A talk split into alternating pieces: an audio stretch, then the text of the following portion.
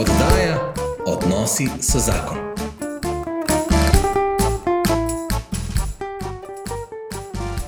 Dobrodošli v oddaji Odnosi so zakon. Danes je moja gostja, sodelavka družine in življenja, moja sodelavka Erika Novak. Erika, pozdravljena. Pozdravljena, Marijeta, in pozdravljeni vsi, ki boste to poslušali. Danes se bomo pogovarjali o tem, kako je, če je v družini alkoholizem. Erika bo podelila svojo osebno zgodbo iz svoje primarne družine. Še preden pa začnemo, izročimo to oddajo in ta pogovor v Božje roke. V imenu Očeta in Sina in Svetega Duha. Amen. Gospod, družine, iz katerih prihajamo, so si različne. Bolj ali manj ranjene, bolj ali manj povezane, z lepimi ali malo manj lepimi odnosi. Nobena od naših družin pa ni popolna. Vse, kar smo prejeli v svojih družinah, dajemo naprej našim otrokom. Vrednote, navade, vzorce delovanja. Prosimo te, da bi znali prepoznavati tiste stvari, ki jih je vredno in potrebno dajati naprej. Prosimo pa te tudi, da nam pomagaš prepoznavati tiste vzorce in navade, ki niso dobre, da bi jih s tvojo pomočjo zmogli počasi preraščati in jih ne prenašati na naslednje generacije. Še posebej te prosimo, vstopi v vse družine, ki jih zaznamujejo različne odvisnosti. Pošlji jim na pot ljudi, ki jim lahko pomagajo, in ozdravljaj njihove rane. Slava Očetu in Sinu in Svetemu Duhu. Kakor je bilo v začetku, tako zdaj in vselej in vekomaj. Amen. V imenu Očeta in Sina in Svetega Duha. Amen. Tako kot smo že malo napovedali, se bomo danes z Eriko pogovarjali o njeni osebni izkušnji življenja v družini, kjer je nekdo od družinskih članov zaznamovan z alkoholizmom. Erika, podeli malo z nami, v kakšni družini si ti odraščala? Tako kot si rekla, v molitvi, v preizkušanji, v dokaj normalni družini, sicer, ki jo je pa zelo zaznamoval um, alkohol, torej pitje mojega očeta, hkrati še tudi veliko kajenja, eh, veliko preklinjanja, skratka, en cel kup enih zlorab in predvsem tudi čustvene zlorabe. Zdaj, ko se pri svojih šestinpetdesetih letih oziram na svoje otroštvo, na svojo mladost, ko sem že dolgo na tej poti za Gospodom, ko sem že dolgo pri družini in življenju, eh, lahko res iz distance gledam z enim velikim usmiljenjem do mojih staršev oziroma do moje stare mame, torej do vseh akterjev v tej, v tem mojem otroštvu. In uh, se bom danes resnično trudila govoriti zelo spoštljivo o mojih starših. Ampak da malo odstrnem uh, dogajanja, ker nikoli ne pride kar iz lepega, da nekdo začne piti in uh, početi druge stvari in zlorabljati na tak in drugačen način, vede in ne vede ali ne vede. Bom povedala na kratko, kako sta se moj oče in mama znašla na skupni poti. Torej, moj oče je iz kmečke družine, um, deveti, zadnji otrok v verni, zelo trdni slovenski kmečki družini, ki jo je pa zaznamovala ta povojna ujma, to povojno pobijanje, ubili so mu enega brata, drug brat je emigriral in sam se je kot otrok znašel v zelo težki situaciji, starši, vsi bratje, sestre po zaporih. In takšen je prišel v Maribor in takšen je začel živeti to življenje kot najstnik, praktično pod velikim vplivom okolice. Moj ati je drugače že pokojen, enajst let, Eh, zato tudi danes o tem lažje govorim. Ne vem, če bi zmogla to pričevanje, če bi oče še živel. Drugače je bil po značaju sicer veseljak, um, ampak izreden kolerik, uskipljiv človek, zelo razgledan, zgodovina, zemljepis, zelo lepo se je bilo z njim pogovarjati, takrat, ko je bil tega sposoben. In teh pogovorov sva, kljub temu, kar se je dogajalo, imela zelo veliko. mamica je pa med vojno rojena, leta štiriinštirideset, po vojni je izgubila v povojnih teh pobojih očeta, ne vemo, kje je pokopan moj dedek, in njena mama, je ostala sama z, z dvema otrokoma. bila, moji mami je bila, ko je bila stara eno leto, v koncentracijskem taborišču tam pri Kidričevem, Tržiče, Šterntal, se je reklo. In celo življenje je je zaznamovana s to stigmo, s tem, s to krivdo, ki pravzaprav ne vedo, kakšna krivda, brez očeta, s posesivno mamo. In po značaju je moja mami, melanholik, otožna, vedno ima, otožen pogled. Veliko se spomnim, da je jokala, veliko je govorila samo o teh svojih stiskah, strahovih. Leta in leta po mojem, iz mojega otroštva, torej sigurno čez štirideset let se, prebija skozi razne stopnje depresije. zdaj, zdaj je že malo tudi dementna. In, to je to. In ta dva človeka sta se v določenem trenutku znašla v vrsti, pred kinom, vsak v svoji družbi, med seboj so se nekako poznali, in če tako na hitro povem, skoraj čez devet mesecev sem se rodila jaz. Kar pomeni, ranjena, vsak na svojem polu, vsak s svojo žalostjo, vsak s svojim velikim bremenom svojih primarnih družin sta stopila, na skupno pot samo zato, ker se je najavil otrok. In ta otrok sem bila jaz. tako. Tako smo prišli zdaj do moje primarne družine, kjer, ki je bila razširjena. Zraven mene je bila, šest in pol let stara sestrica, mislim, mlajša sestrica od mene, in moja stara mama, ki je, ki je bila zelo posesivna, mamina mama, ki se je v določenem trenutku celo izposlovala, da je stanovala pri nas. Ker se ni mogla dve ulici sprehoditi do nas, je bolje bilo, da spi pri nas. In je zelo posegala s svojim obnašanjem v to življenje v naši družini.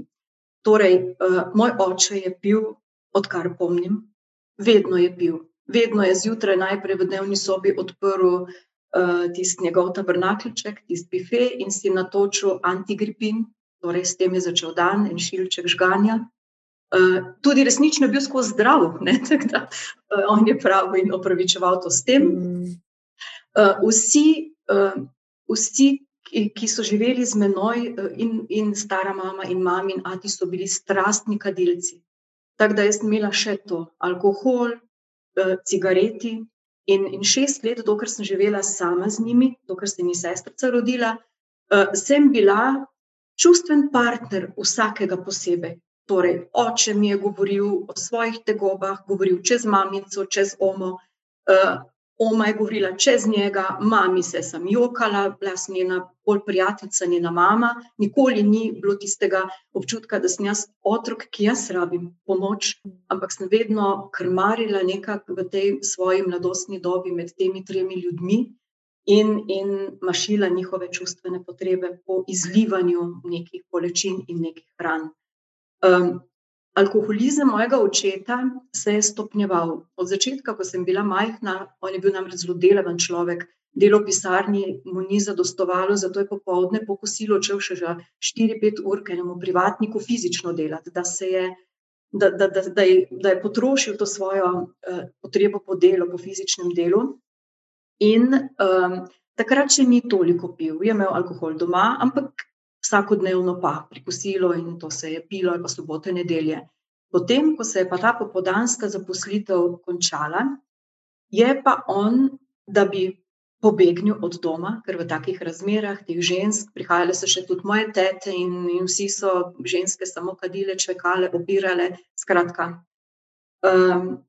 to je bilo pri nas, se je začel umikati in si je našel družbo na balinišču, v enem balinskem klubu je balinal, ampak hkrati so to počeli ob popoldnevih, zvečer so se pa presedli v notranje prostore, igrali karte za denar in pili, pili, pili.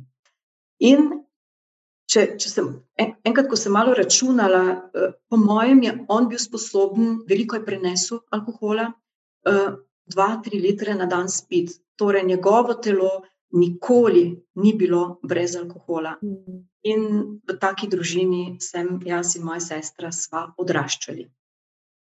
Kako se je pa Erika to, ne, da je Ata tako velik pil, ne, odražalo v odnosih v vaši družini? Je bil tudi mogoče kdaj nasilen, uh, ali pa se je sploh zavedal, da je alkoholik pri tej popiti količini? Um, jaz mislim, da se takrat uh, ni zavedal, ker pili so itak vsi. Um, prijatelji, ne, o tem mogoče uh, še kasneje, malo več. Ampak um, on je bil zelo uskipljive narave. Um, vse ga je motilo, prepirljiv, ene stvari nisi smel na robe povedati, malo drugače formulirati. Sploh takrat, ko je bil pijan, ne, seveda se v treznem uh, obdobju, če je bil kdaj, no, ampak tako do podnevih ni bilo tega. No, ampak ponavadi ga je kaj zmotilo in je začel upiti in, in se kregati, in mama je potem seveda kontrirala, mama nikoli ni omoknila, ne glede koliko je bilo strah vsega. Vedno je uh, nazaj govorila, in potem so bili ti prepiri, in vedno glasneje. Pri nas je tudi ogromno preklinjalo, zelo nezdrav način, um, kletvica, vsaka druga beseda, res je bilo tako mučno stanje. Um, drugače pa verbalno nasilen, bi jaz rekla, z besedami, da je potovko. Včasih sem si mislila, da je, da je eno klofuto, pa umokni. Ampak res, res je znal um, govoriti, seveda, tisti prekršek za tistim prekrškom, ki si ga naredil po njegovem. Mm -hmm. uh, si poslušal pa vse stare pesmi, vse evergrine, ne, kot taka plošča. Če bi ga posnel, vedno eno in isto si poslušal, ti, in še potem v odrasli dobi sem poslušala vse za nazaj. Ne, in, in, Um, tako da to je bilo verbalno nasilje. Um, fizično se mi zdi, da jih trikrat, štirikrat, kako neupravičeno klofuto v tistem trenutnem nagibu. Um, spomnim se teh njegovih steklenih oči, pogled alkoholika, uh, njegovega njegove hoje, koraka, ko je prihajal domov. Jaz sem namreč spala v kuhinji, imeli smo tako prehodno stanovanje v bloku, najprej je bila kuhinja, dnevna soba, spalnica. Tako da ostali, ki so spali v spalnici, niso slišali, sem bila pa v kuhinji. In že po zvoncu sem vedela, koliko je pijan stopnjo. Ne? Kako je pozvonil, vedno, vedno sem bila v tistem pozoru, eh, vse pravilno povedati, eh, vse ne netiti, ne netiti njegove jeze. Ne? Uh, Tako da to je to. Ne. Po mojem, se takrat ni zavedal, da je alkoholik, oziroma da preveč pije. To je bila takratna družba in verjetno, da še tudi danes, veliko krat, čeprav danes smo malo bolj ozaveščeni in, in mi grede, popiješ vodo. Takrat, včasih, če si prišel na obisk in prosil za vodo, so te gledali čudno. Ne, je bil vino, pivo, takoj, žganje, tizi. Um, Takrat ne. Se pa spomnim, da smo se uh, v enem obdobju pred smrtjo pogovarjali. On je namreč bil še v svoji delovni dobi za šest mesecev v Iranu, službeno. Uh mhm. -huh. In to je muslimanska država, in tam šest mesecev ni pil. In potem je imel enkrat ene jedrne teste, ker je imel probleme tudi s srcem, in so mu naredili jedrne teste, in je bil tako inteligenten, da je vedel, da alkohol se odraža na jedrih. In je tudi pred jedrnimi testi za šest mesecev nehal piti, da so bili potem jedrni testi vredni. Neverjetno. Ja, noro, ne mislim, to, ki je bil, ne, ampak seveda, revež v svojem telesu, ki si ni znal pomagati. In potem sva v enem pogovoru, sem že bila jaz v velenju, sem enkrat bila pri njemu, pa je rekel: Ti veš, hčerka, nikoli me ni klical Erika, vedno sem lahko hčerka. Uh, jaz se uh, tako dobro počutim, tako sem se dobro počutil in takrat, tistih šest mesecev. Ne, sem rekla, a ti pa, če se tako dobro počutiš, pa za tvoje zdravje, pa zakaj, zakaj zopet začenjaš piti? Mm -hmm. Takrat me je tako pogledal, je, je bilo eno trezno obdobje, nekaj je bil bolan in vem, da sem bila pri njemu, to je bilo kmalo, tik, tik pred smrtjo. No. Um, je rekel, veš, hčerka, meni so špricerji tako dobri, okus špricerja je tako dober da, da ne, morem, ne morem nehati piti in nehaj me pripričevati. Jaz bom nehal piti, ko me boste odnesli iz tega stanovanja. In dejansko je par mesecev kasneje imel anevrizmo v glavi, počela žilica, vsak mojega je našel mrtvega na tleh, na mizi je pa bil do polovice spit špricer in um, goveja juha. Tako da dobesedno so ga od špricerja odnesli ne? in ta ljubezen in ta um, ja, ljubezen do okusa alkohola, njemu je bilo to dobro. Um, potem, kasneje, po mojem, proti koncu življenja, se je zavedal, ampak si ni znal, ni zmogel mm. pomagati. Zgodba je bila predaleč zapeljana, moja starša sta se namreč potem tik pred 25. obletnico ločila, če ko sva mi bila zlatko poročena, mi da so že bila v velenju. Tako da to so take travme in zgodbe. No, in, in ni bilo na nobeni strani moči in volje, da bi zgodbo zapeljala drugače, tako kot sta jo začela, mm. ni bilo. Pač to je naša realnost, s katero se je treba soočiti in spoštljivo gledati in usmiljeno na vse to. Erika, kako je pa recimo okolica, ne vem, vaši prijatelji, sorodniki, kako so pa oni gledali na to, se mi je zdelo tudi nekaj čist normalnega, da vaš ata to pije. Ja, ja veš, nisem naš ata pil, pil je naš stric, pil je, pili so moji bratranci, pili so vsi prijatelji, ki so prišli takrat, se je pilo, vsi so pili, vsi so kadili, redko kater človek ni. In vsi tisti, ki so z njim balinali, ki so z njim pozno v noči igrali karte, ena runda, druga runda, tretja runda, lej. Takrat se jaz spomnim, da so vsi pili. Jaz sem vem, da sem molila v avtu, zato ker je vedno tako okajen, po kakem obisku šel tudi v avto in je vozil nas vse. Ne? Takrat smo tudi v avtu stakadila oba, a veš, mi smo bili prepojeni tudi s tem vonjem, z, z, z, z tem načinom življenja. In jaz sem takrat vse te strice, tete, vse te strice, mi smo strici in tete, mm. prijatelje, ne? vsi so pili, mogoče se meni takrat zdelo to tudi normalno, mm. takrat je to bilo. Jaz sem se kasneje, ko sem odrasla, veš, mogoče pri mladinski veru, pa to začela zavedati, da to alkohol, ne, da si tako ne prištevam, da je to alkoholizem. Predtem, mm -hmm. jaz mogoče besede alkoholik v tem smislu sploh nisem poznala. Včasih so rekli, da so to delta alkoholiki, ne alkoholiki, ki si nikoli niso priznali, da so alkoholiki.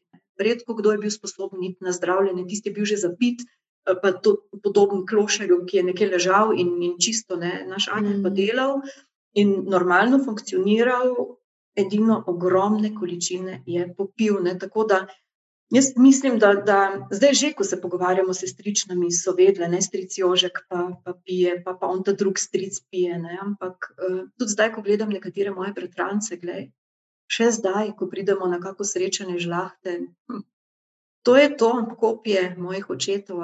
Čez, čez, čez par rund, ki, ki jo spije, ima ta pogled, ta pogled, ki ga jaz prepoznam nadalječ. Pogled alkoholika, te oči, čudne, kalne, brez leska, ki, ki, ki zdaj nekateri različno odreagirajo, nekateri so potem, ne vem, jokavi in smeravi in zaspijo. Moj oče ni bil tak, moj oče je bil tak upornik. Ne? On je res bil kolerik in, in, in ta pogled je, je, je ubijal včasih, ne? Ko te je pogledal ne? in vedno si mogel biti v pozoru. Ne? Obe sestri, ko se pogovarjava, ne pozabiva tega njegovega pogleda, teh oči. Ne? Um, ne vem, ko je umrl, ko je v krsti ležal, je prvič imel umirjen in blag uh, izraz na svojem obrazu. Do takrat jaz tega nisem videla. Ko je bil um, zamišljen, kaj vedno je, je bil trpeč obraz. Ta, vse, kar se je nakupičilo v njem, uh, ta žalost, ne, um, in, in vsa ta jeza. No, jeza je že skozi te prepire ven dajo, ampak mm. vso to življenje se je nakupičilo ne, v, v, in njem, in v mamici, posledično, ne, ki je potem tudi to kalvarijo dala že tako v mladosti, kot potem naprej. Težka zgodba, res.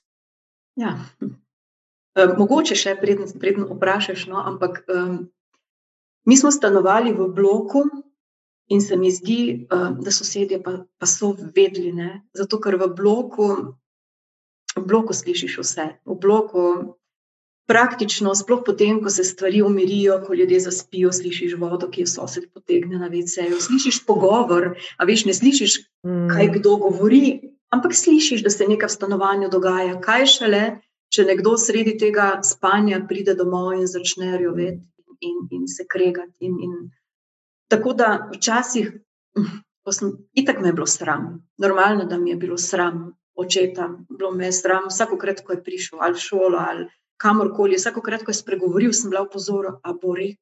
Kako tisto neprimerno. Ne. Stram me je bilo, ko me je kakšna soseda videla, nekatere celo pobožale tisto boga punčka, ne, kaj moraš mm. spati, te tete iz blokov, ki so to zraven spremljale. Ampak bilo je veliko teh mojih očetov, ne, nisem bila osamljena. Um, tako da ti otroci smo se potem zbirali, vse to je bilo. Je bilo tudi veselje v naši družini, ni bilo samo, da smo osredotočeni na ta alkohol. Ne. No, mhm. oče je bil izjemno dober pevec, mi smo veliko prepeli, ko smo bili ne, skupaj. Bil je človek narave, mi da smo hodila, cele ulice smo prekrižarila, pohorje, v hribe, gobe, ne vem, vse posod me je vlačil s seboj. Mm. In, in veliko mi je govoril, tako da bili so tudi lepi in svetli trenutki in mm. pogovori z njim, in tudi potem z mamico, ne kakorkoli, ampak danes smo osredotočeni na drugo temo. Tako. Ja, lepo si zdaj že povedala. Um, verjetno zaradi alkoholizma ti kot otrok, pa kot mladostnica od svojih staršev nekaterih stvari, ki jih pač otroci ne bi od staršev dobili, ne, za en zdrav razvoj, nisi dobila. Ne? Eh, kaj recimo, verjetno si to pol prepoznala šele kasneje v resnici, kaj so recimo tiste stvari, ki bi jih takrat potrebovala, pa jih nisi dobila? Srčno sem si želela, da bi se imela starša rada. Srčno.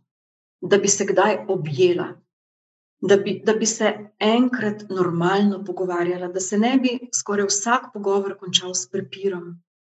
Uh, da bi mi kdaj povedala, da me imata rada. Mene, mislim, da je samo oma kdaj pocrklala, ko sem prva tri leta pri njej živela, drugače pa se ne spomnim, da bi me Ati kdaj vzel v naročje, da bi to varnost očeta. Mm. Spomnim se, da sem prvič, ko sem šla na tri glav, sem bila v, v drugem razredu osnovne šole, me Ati peljal na tri glav in sva, ko sva hodila gor po Tominškovi poti, po eni najtežjih poti od Staničevega doma je zelo deževalo in takrat je še bila tista stara oprema, tiste velike palerine, težki nahrbniki. In me Ati držal za roko, in jaz se spomnim, prav spomnim se, kako so mi zobje šklepetali od strahu, od tistih skal, od hladu, eh, od mraza, zeblo me je. In potem, ko smo se stopili čez tri dni, je rekel: Veš, ko si pa tam nad tistim prepadom, ko sem te pa tam za rokico držal, če bi pa ti tam dol padla, bi pa Ati za teboj skočil. To mi je edini uh, svetli trenutek, da sem vedela, da me ima rad, da samo ne zna pokazati. To zdaj vem, no. takrat mm -hmm. pa toliko želela. Daj, no, daj, vse sem se trudila biti pridna punčka, daj me, daj me vzemi, daj, daj mi nekaj lepega, povej, ne skozi samo kritika, kritika, kritika. Karkoli si naredil, si bil povožen. Želela sem si tega, da bi bila ljubljena, da bi bila sprejeta. Veš, ona dva sta se poročila zato, ker sta se mogla, ker sem te jaz napovedala. In vedno je ta občutek, a sta se vse takrat, ko, ko sta me spočila, imela rada, verjetno, da neka simpatija, ljubezen je bila, ki se je zaljubljenost morda ne se je hitro zgodilo. Ne, ampak uh, že potem, ker moja mama ni imela zakramento, je oče vztrajal na crkveni poroki, mama ni, ni verna, oziroma pač je verna na nek svoj način. Um, in uh, mi je pripovedovala, da ko sta šla na pripravo na zakon, je rekel: Če ne bi bila noseča, te ne bi nikoli poročil. Ne, in moja mama mi je vedno pripovedovala, kako težko nosečnost je imela z menoj, ko je bila z menoj noseča. Bruhala je praktično še na porodni mizi, v sedmem mesecu so jo dali v materinski dom, to je bruhala, bruhala, bruhala. In od moje od nosečnosti z menoj nikoli nisem slišala lepe besede. Vedno sem ji bila njej v breme, bila sem posledica, da se je morala poročiti mogoče s človekom, ki ga ni imela rada, vsaj naj tako, da bi si celo mm. življenje z njim predstavljala, mogoče je bila samo avantura. Oče si je verjetno predstavljal eno drugo, delovno žensko, moja mama je bila tako za peč, kar na kavču, doktor Romani, cigareti, to je bilo njeno življenje, služba pa nazaj. Ne, oba sta imela čisto drugačne pričakovanja, in potem pride en nepričakovani otrok, in jaz sem skozi živela s to zavestjo, da sem nezaželjena. Da, da, da če se ne bi jaz zgodila, da bi pa ona dva bila srečna in to breme krivdene. In sem vedno trudila uh, se biti mal drugačna. No? In Želela pa sem si, seveda, potrditev, to si vsak otrok želi, potrditev, objem. da te nekdo popiha, oslini rano, ko padeš. Jaz sem bila hitro odrasla. Ne vem, vse sem sama počela. Že v srednjo šolo sem se sama upisala, sem sam prišla domov, sem povedala, da sem se na ekonomsko upisala. Sploh niso vedeli. V šoli so tu pa tam šli na govorilne ure, tako sem imela same petke, ni bilo potrebe. Ko no, um, tako sta živela mimo mojega življenja. Um, Mam je bila bolj, se mi zdi, da sem jaz njej bila mama, pa, pa jaz njej, njej prijateljica, ker se pogovarjala pa tako zaupne stvari z menoj kot punčko. Takrat je že bila depresivna, imela je strahove, za roko sem jo držala, ko je šla k zdravniku, z njo v ordinacijo, drugače bi pobegnila, spomnim se njenih napadov panike.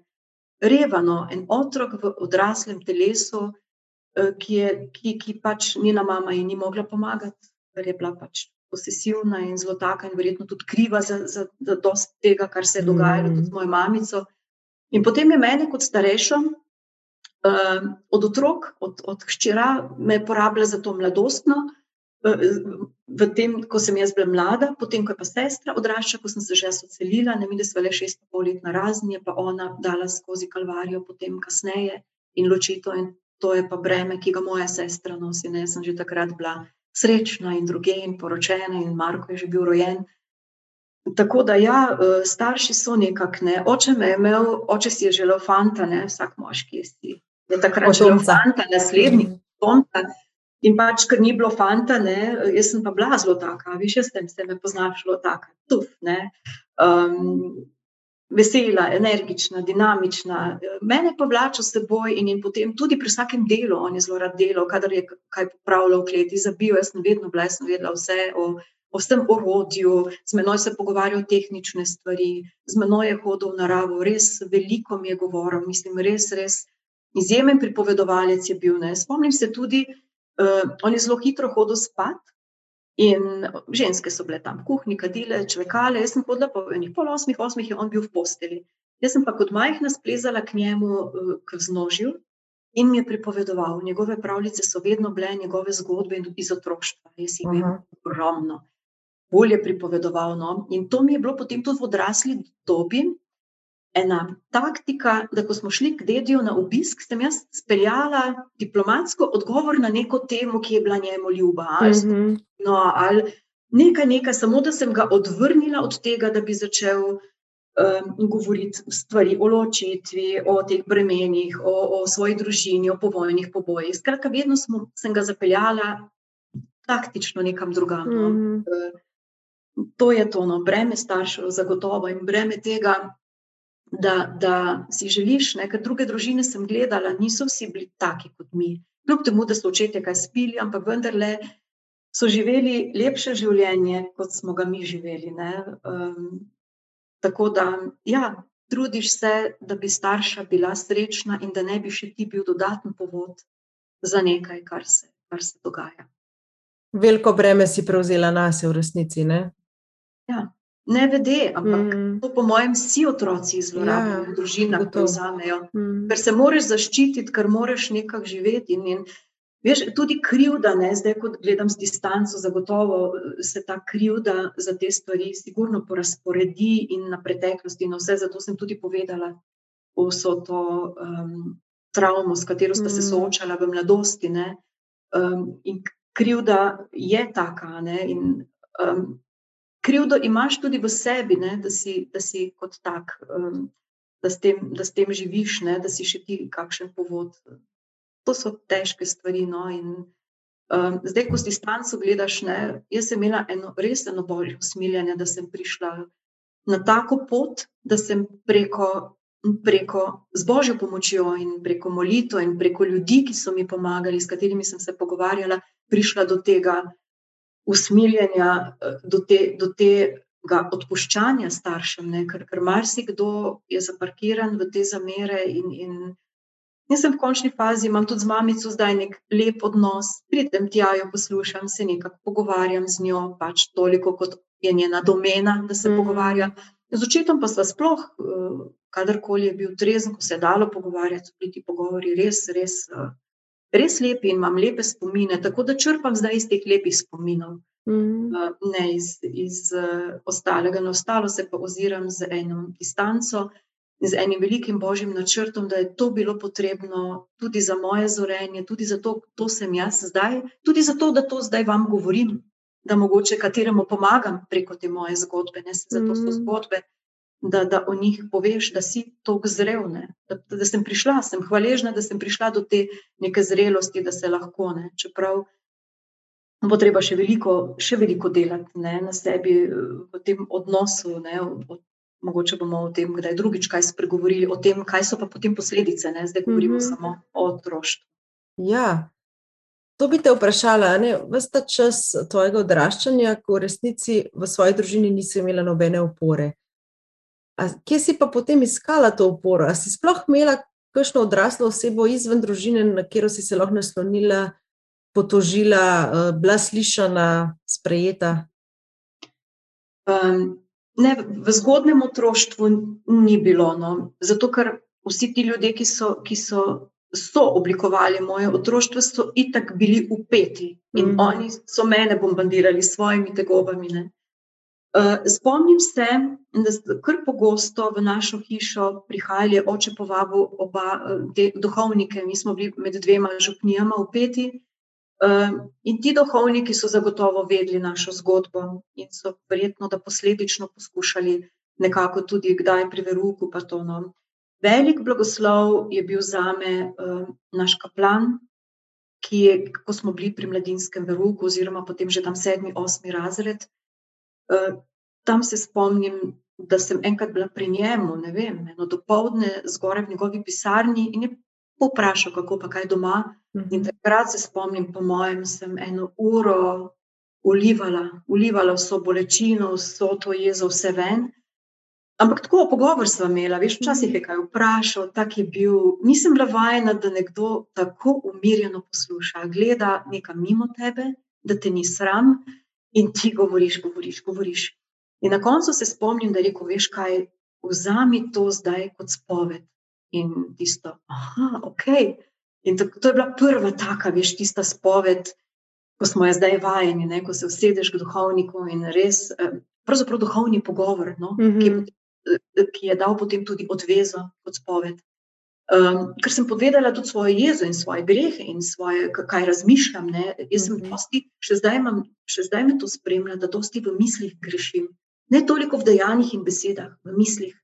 Ne? Navadila sem se v sebi skrivati to svojo jezo, mm -hmm. to svojo nemoč in v jezi obsojati ljudi, in to, to ti ostane.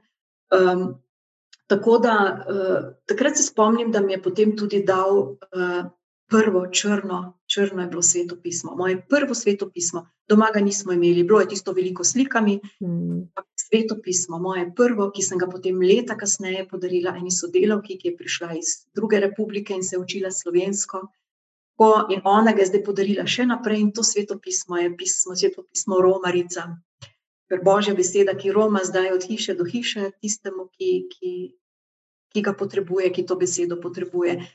Ta kaplan se mi zdi, um, je, bil, je bil tak človek, no, edini človek, ki se spomnim, da, da, um, da me je v bistvu objel z, z svojim obnašanjem da mi je dal eno varno zavetje, in potem sem še šla večkrat k njemu na te pogovore, in da je pomagal, da me je usmerjal. Ne. Potem pa se je že tako zlatko zgodil, in potem sem šla od doma presrečna.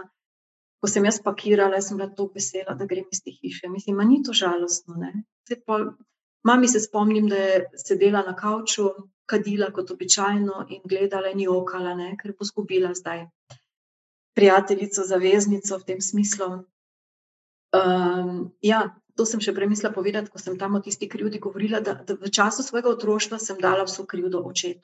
Se mi je zdela mama ena reva. -huh. Zdaj, ko gledam na dis, distanco, zdaj je ta krivda drugače porazporejena. Uh -huh. Spomnim se, kako hudo je bilo. Ne? Meni nikoli ni bilo hudo, ko so se moji otroci odselili. Sem bila vesela, da, da grejo. Ne? Njo pa razumem, da je bilo hudo. Um, tako, to je to. No? Zdaj si že lepo malo omenila, ne, uh, da si šla z veseljem od doma.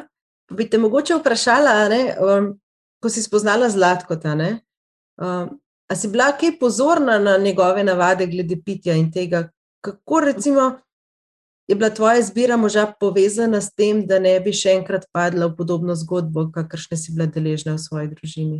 Ja, ja um, ta alkohol in cigarete, um, me, mislim, ti, jaz sem celo življenje vonjala von alkoholika in von kadilca. Jaz ta dva vonja tako sovražim.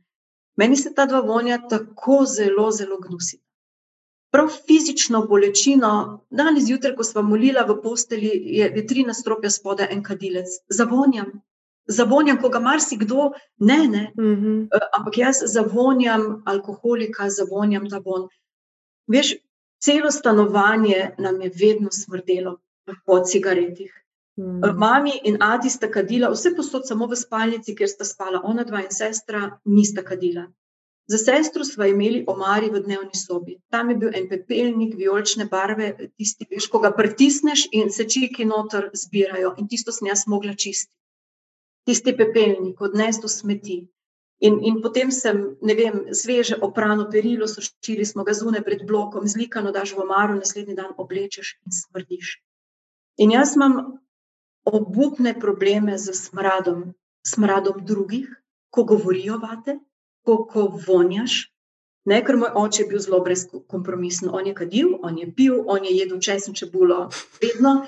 Je, jaz ga, se ne spomnim, da bi kdaj dišal po kalodontu ali pa dišal normalno po nekem kosilu ali pa tudi po mm. tej jutranji normalnem vonju, ko si zvečer zobe umiješ, pa zjutraj imaš vonne.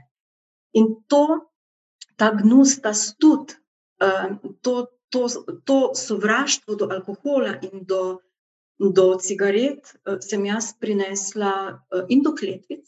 Uh mhm. -huh. prinesla, se, sem prinesla seboj tudi v odraslo, odraslo dobo.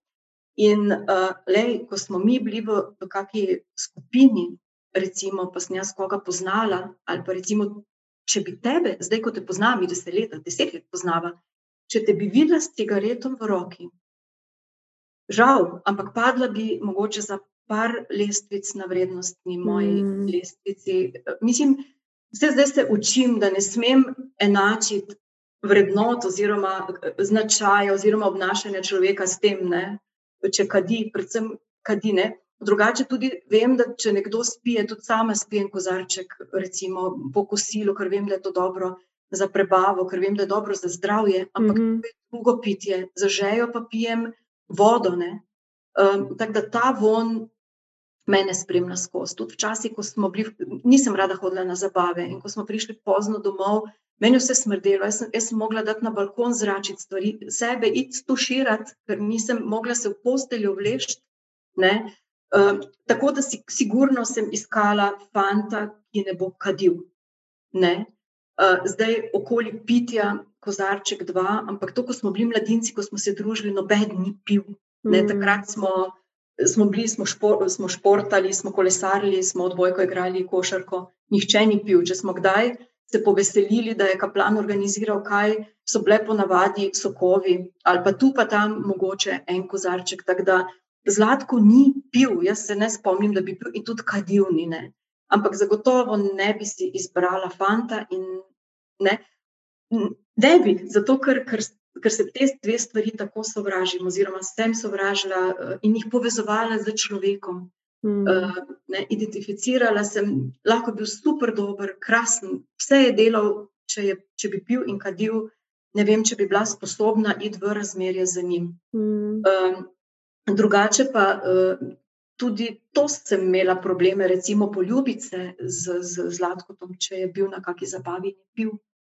Uh, ali pa uh, recimo da, da, da je bilo vem, v službi ali da je kje jedel, eh, ne vem, čebula ali da je bil kje na kakšni službi in pikniku. In potem smo nekako, bil je zelo, jaz, jaz imam res, res čudovitega moža, on je tok razumel to. In, in je potem sam tudi predlagal, oziroma smo se dogovorili, da če gre on na kako praznovanje nekam, da gre sam, ker če sem jaz šla, itak nisem ne pila, ne kadila, ne jedla mhm. čebule.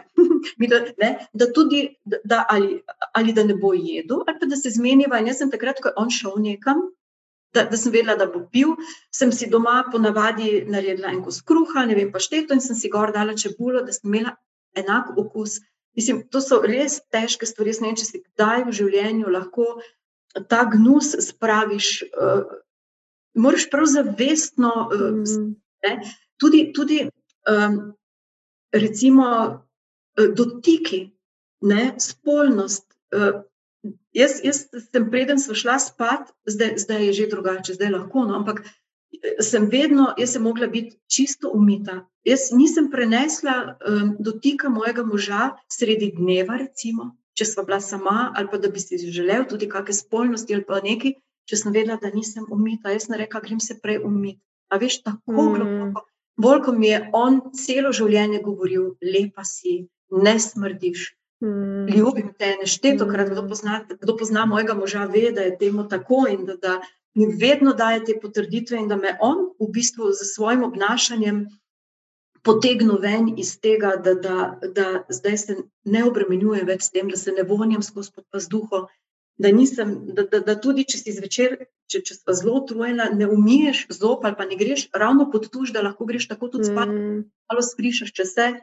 In da to ni nič narobe, da ne me nima zaradi tega manj rad. Jaz sem se mm. sama sebi počutila tako umazano neposledično in itak pa, pa vedno in, in zaznaš te vonjene, zaznaš jih v drugih ljudeh, um, zaznaš, ko gre nekdo mimo in je kadil. Preprosto imaš te detektorje tako močne um, in, in v tebi je to noter, prav fizično želodec se ti začne obna, obračati mm. ob teh stvarih. Tako da, um, ja, pravijo sicer, da, da si marsikatera žena ali pa tudi moški izbere partnerja enakega, kot so mm. starši. Ne? Kot je oče, recimo, mož, jaz, jaz, jaz nisem, jaz sem po neki milosti res dobila totalno kontra, um, kontra možane, mm. glede pitja in glede mm -hmm. kajenja. Mm -hmm. uh, in to mi je velik blagoslovno, ker ne vem, kako bi zdržala v takem zakonu. Verjetno, da ne z mojim karakterjem, tudi z mojo. Jaz sem podedovala to koleričnost ne? in veliko je treba delati na sebi, da, da, da, da, da mirim konje v meni, ki, ki, ki hitijo ob vsakem mm. uh, in, in te napade, ne? vsega. Ampak vem zdaj, da, da so to potlačene stvari, tako da, da bo še treba veliko.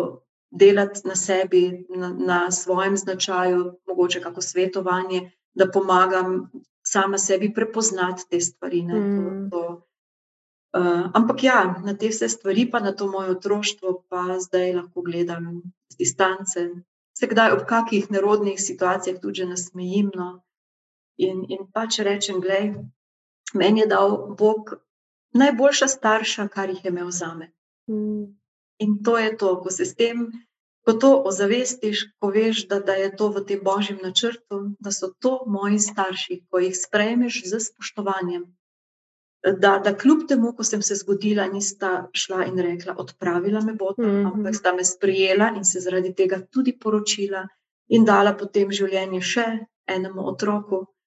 Um, je to eno zavedanje, da, ja, da, da je to moja pot, ki jo moram sprejeti, vsak ima svoje stvari, vsak se z nečem, ni ga človeka, ki ne bi imel mm. nekaj v koreninah. Ne. Eh, je pa mm. potem, seveda, britko tudi spoznanje, kaj pa nosiš naprej, kaj pa tvoji zanamci. No, ampak to so že potem druge zgodbe, ja. kako prenašati na otroke. Ja. Sva ravno, da povemo našim gledalcem in poslušalcem, ne zdaj, kako smo se pripravljali na to oddajo, ugotovili, da je to tako široka tema, da je vredno nasloviti še v eni oddaji. Pa bomo zdaj samo mečkaj nakazali, v katero smer bo šla pa naslednja oddaja, ko bomo govorili o teh posledicah, ne, ki jih pusti alkoholizem na vsakem otroku, ki odrašča v taki družini, o vzorcih, ki se potem prenašajo naprej. Pa bi te sam to vprašala, ne? verjetno si se ti tako prav začela zavedati teh slabih vzorcev, ko si tudi sama dobila otroke. Ja. Moja izkušnja je, da otroci iz nas privlečejo te stare rane. Ja. Uh, če bi samo mečko narisala, no, pač, kako se je ta proces začel, pa na kateri točki si prišla do tega, verjetno si prišla do tega, da če ne boš odpustila svojim staršem, tudi sama ne boš mogla iti čez to. Če še tle malo nakaževa, potem bova pa kot rečeno v naslednji daji pa še mečko odstrle potem življenje v svoji družini uh, s posledicami, otroštva z alkoholikom? Ja, um, sem dosti razmišljala o tem. Um, tudi, tudi um, recimo, pomagalo mi je zdaj, te, ko imamo uh, pri Dižu s pomočjo oziroma Karitas, te, te zakonske skupine, oziroma temo na zakonskih skupinah o alkoholizmu. In me je zadnjič, ko smo v eni skupini predelovali, me je zelo zadela od sedmih ali osmih parov, ki smo bili, samo en par iz primarne družine ni imel izkustva alkoholizma. Vseh ostalih sedem parov smo imeli, ali mame, očete, detke, babice, strice, nekoga, ki je bil alkoholik. In takrat je ena od članic naše zakonske skupine rekla, ki, ima, ki ima, je imela ravno tako očeta alkoholika kot jaz, je rekla: Meni je moj oče uničil vse bistvene trenutke mojega življenja in o tem se jaz dosti sprašujem. Res, meni tudi moj oče je uničil vse lepe stvari, od obhajila, birme, rojstnih dnevov, vedno se je končalo z kakim prepirom, vedno z nekim njegovim izgredom. In prav tako tudi moji zdajšnji družini, Ne, moja dva sta bila ločena, vse se je delalo na dva konca, vedno je oče prišel na ta slavja in vedno je bil zelo neroden na koncu. Kdaj sem se pa začela zavedati? Prva, prvo zavedanje je bilo zelo hitro, ko sem enkrat se na sina kregala in sem slišala besede svojega očeta, kako se je on name drl. Tako sem jaz glasno povzdignila glas in takrat sem se prvič zavedala, takrat sem se začela kontrolirati. Eh, ne vedeti, to sem pač mislila, ok, sem podedovala eh, po, po očetu, pač taka sem. Uh, najbolj uh, sem pa začela delati na sebi takrat, ko, ko, ko je pa hčerka postala najstnica in upornica. O tem pa bi res več kaj drugično, ampak dejansko posegajo te zadeve tudi potem v našo družino in v otroke, potem zagotovo in še mogoče naprej, če se ne bomo stavili zdaj še na vnuka. Tako da, to je to. Erika, lahko sam še kakšno besedo o odpuščanju? Kaj ti je pomagalo, da si lahko svojim? Ti si lepo povedala, ne, da si sprejela to, da sta ti starša dala, kar sta ti pač zmogla. Ja. Uh, in to se mi zdi, da je za vse nas ena dobra popotnica, ko odkrivamo te svoje rane ali pa vzorce, ki niso najbolj, bom rekla, dobri. Da pridemo do točke, ko ugotovimo, da tudi mi kot starši delamo napake, pa ne za nalaž, In da je prav, da če hočeš ti narediti en oseben premik, pa rast, da moraš svojim staršem odpustiti, ker drugače se zatakneš v tem krogu krivde in kazanja s prstom in eh, iskanja krivcev izven sebe. Točno tako. Jaz imam ob vseh milostih, ki sem jih deležna, imam tudi to milost, da nisem zelo zamerljiva. Vse, sigurno, zamerim, vsak človek zameri ampak se hitro, hitro uh, začnem v sebi uh, iskati argumente, zakaj je drug to naredil. To sem se zdaj naučila, sploh pri dižu. No. Uh, ampak tudi nikoli nisem bila tako zelo zamerljiva, in tudi moj oče ni bil zamerljiv. Ona dva, ko sta se skregala, on bi se pobotal. Mami moja je bila pa tista tihi tedni, tihi meseci. Ona je pa tako zamerljiv človek, da še zdaj, eno stvar na robe poveš, in se kar ne pogovarja, in je kar ne. No, uh, mene je pri odpuščanju najbolj uh, vodilo to, da sem res uh, to, kar sem na začetku povedala, poskušala doumeti njuno otroštvo, njune travme, kakšna sta bila, kaj sta doživljala. Da takrat ni še bilo tega, takrat so se ljudje niso znali zazreti vase. Mm. Redki, ne vem, takrat ni bilo nobenega priročnika, mi imamo zdaj tega veliko, takrat ni bilo takih oddaj, ni bilo zakonskih skupin, ni bilo seminarjev, ničesar. In ko sem se tega zavedala, ko sem svoja dva starša pogledala, mamico kot dojenčka v koncentracijskem taborišču, življenja, ona je živela v taki bedi. Moja mama je dobila za sedmi rojstni dan pečeno, peščenega piščanca za darilo in ga je sama pojedla od tega, tako je bila lačna in ževčna v takem pomankanju, ko je živela. In ta moja stara mama, ki je, mogla, ki je bila užigosana, moža so jo ubili, ni vedela niti zakaj. Ne? In ko sem, to, ko sem se v to soočila, ko sem začela analizirati to njeno življenje, to ranjeno punčko, pa še karakter tak, kot, ima, kot ga ima, in posledično očeta, On je 36-letnik, kar pomeni, ko se je vojna končala, je bil star 9 let. In zraven še njegov brat, ki sta ostala doma in so prišli partizani. Jaz sem brala njegov, njegovi oporoki, ko je imel zraven seznam, kaj vse so jim vzeli. Oni so imeli hektarje zemlje, vse in potem v zapori in, in to agonijo. In tak mlad človek, ki še ni izoblikovan, pride potem iz Laškega, iz majhnega kraja v veliko vele mesto in tam pride na družbo, ki pije. Itak je oče pravo, da so včasih v, v, tudi v mladosti, on je na njivi dobil enako jabolčnik za pit, kot so ga mm. pili ostali. On je bil vajen pit. Ljudje pijejo iz navade, ker jim je dobro, to, kar je povedal, ampak potem, ko se navadiš, potem pa ko se navadiš drugačne. Ja, ampak če bi, mm. če bi ona doživela en tak zakon za spoštovanjem, pa to bi še zmeraj ostala navada in bi vsak dan nekaj spil, pa mogoče ob kakih praznikih in bi ostalo pri tej navadi in ne bi prekomerno, ker se je pa zgodba njuna zapletla do te stopne, da je začel bežati iz odnosa. Mm -hmm. Je začel bežati eh, k prijateljem na balinišče, karte igrati, v družbo, tam se je pa ta navada spremenila v alkoholizem. Ne?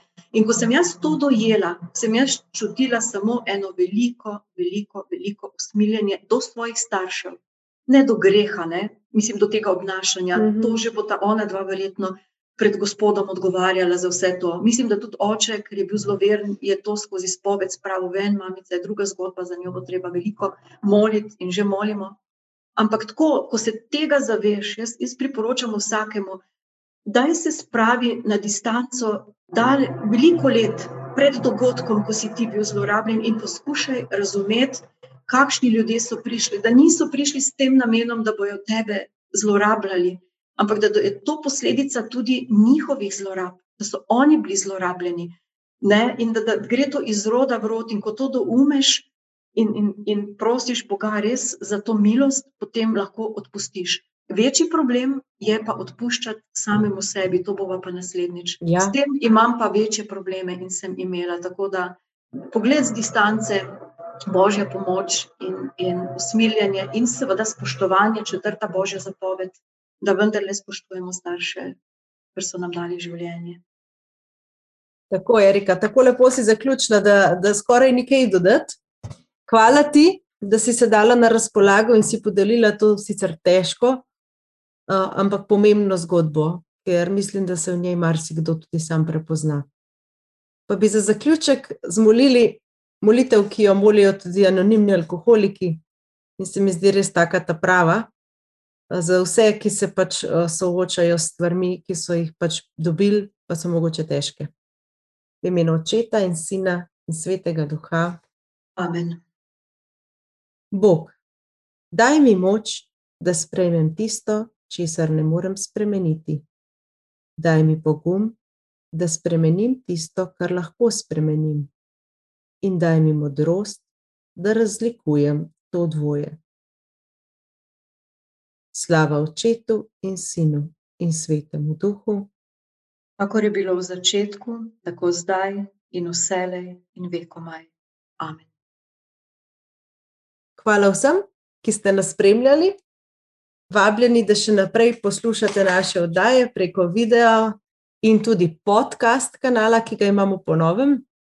Z Eriko bova, kot rečeno, posneli še eno oddajo, v kateri se bova pa bolj posvetili posledicam, ki jih prinesemo v svoje družine, še posebej tisti, ki so v svojih matičnih družinah se soočali z odvisnostjo svojih staršev. Govorili bova o pretirani pridnosti, o perfekcionizmu, o želji po nadzoru, skratka, v marsičem, eh, v čemer se bodo verjetno eh, prepoznali mnogi naši poslušalci in gledalci. Torej, še enkrat hvala Eriki, da je bila z nami, in hvala vsem, ki ste si vzeli čas in naj jo poslušali. Srečno in z Bogom. Bogom.